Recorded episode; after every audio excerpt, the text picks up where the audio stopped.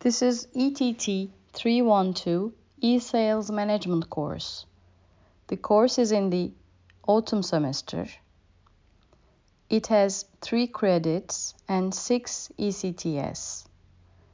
The language of the course is English. Providing the conceptual basis and the fundamentals of sale practices and techniques in digital environments is the course objective.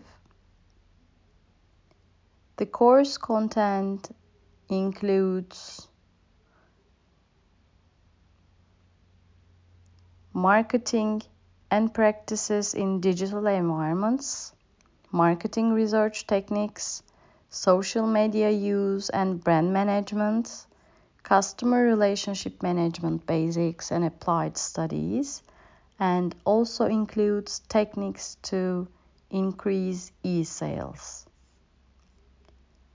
The learning outcomes of the course are to grasp the structure of marketing in digital environments, to compare the differences between e marketing and internet technologies, to relate both traditional and e marketing methods, to evaluate the differences between e marketing and social media, to conduct the necessary market research methods in digital environments, to use actual and relevant tools that meet the e marketing needs of the organization, having the knowledge of usage of social media for e sale, and to determine the problems related to internet marketing processes of the organization.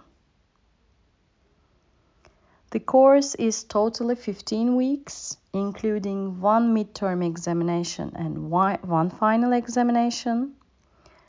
And the topics are e sales general concepts, strategies of e sales, performance metrics, e sales plan, e-sales opportunity analysis, ethics and legal issues, online customer behavior, segmentation and target market strategies, product and pricing analysis, differentiation and positioning strategies, customer targeting for private shopping,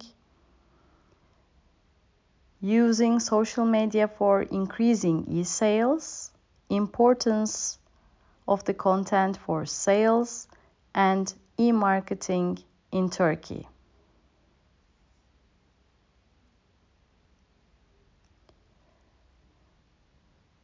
In term studies, there are one midterm examination and one assignment. Midterm examination has 60%, while assignment has 40% and the contribution of interim studies to overall grade is 50%, while contribution of final examination to overall grade is also 50%.